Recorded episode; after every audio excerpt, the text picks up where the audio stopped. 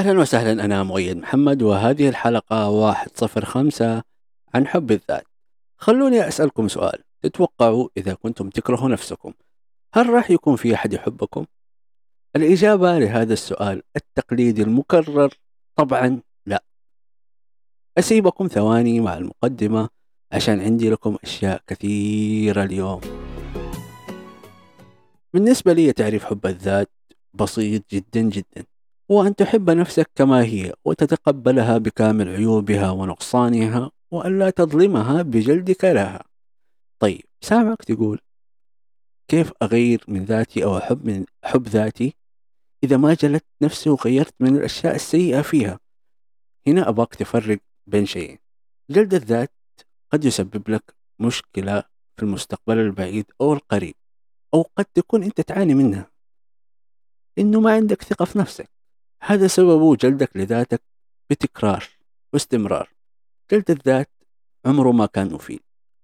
جلد الذات زي كأنك جرحت يدك أو أي حاجة في جسمك وجالس تتفرج عليها وجالس تلوم نفسك إنك جرحت نفسك.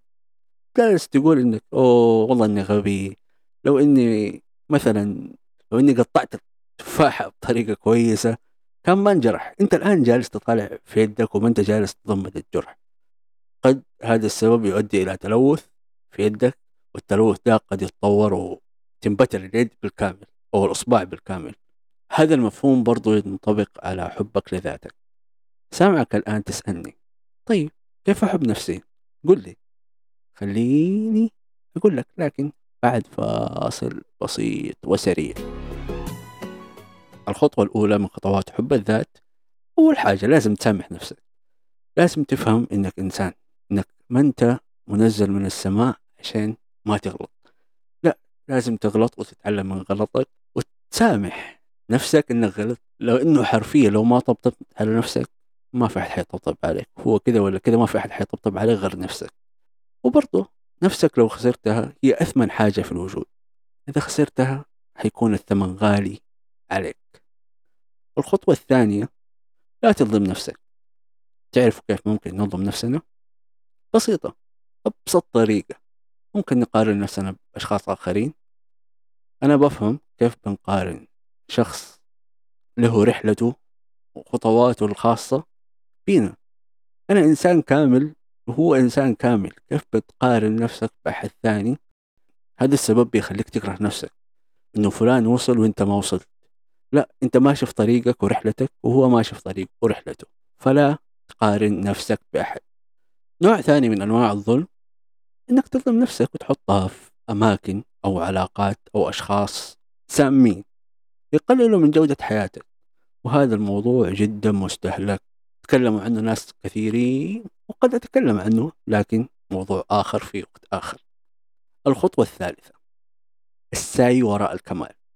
أعتبره أيضا من أنواع ظلمك لنفسك إنك تبغى كل حاجة تكون perfect لو ما كانت perfect ما راح تسويها. هذا السبب أنا دائما أستخدمه عشان أسوف الآن ما حسجل ما عندي معلومات كويسة. آه، بكرة الصباح حسجل. ما عندي آه، اليوم ما في حيل. آه، يجي اليوم اللي بعده واليوم اللي بعده والأيام اللي بعدها. وأنا ما سويت ولا أي حاجة. إني جالس أسوف والتسويف برضو سبب من أسباب إنك تجلد نفسك وتلومها إنه أنت ما سويت عملك. قد أتكلم برضو عن التسويف والسعي وراء الكمال بشكل مبحر لكن موضوع آخر في وقت آخر برضو. جاني سؤال وأعتقد ممكن يخطر في بالكم. إيش الفرق بين الأنانية وحب الذات؟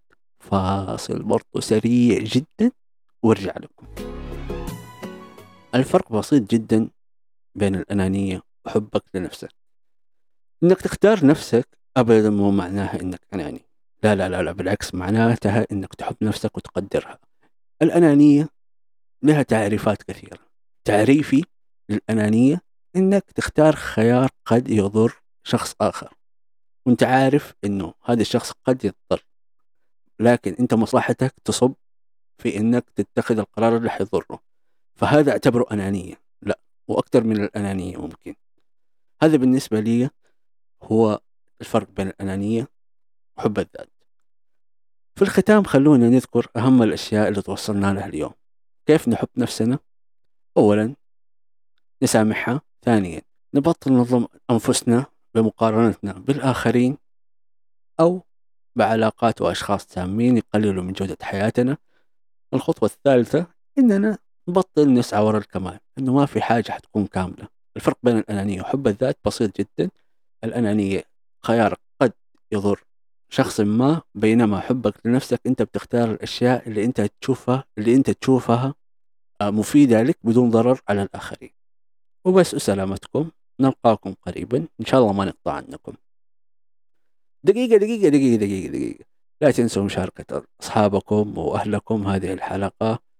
وإذا كنتم بتسمعوني على أبل بودكاست أتمنى أنكم تقيمونا التقييم اللي تشوفوه أنتم مناسب.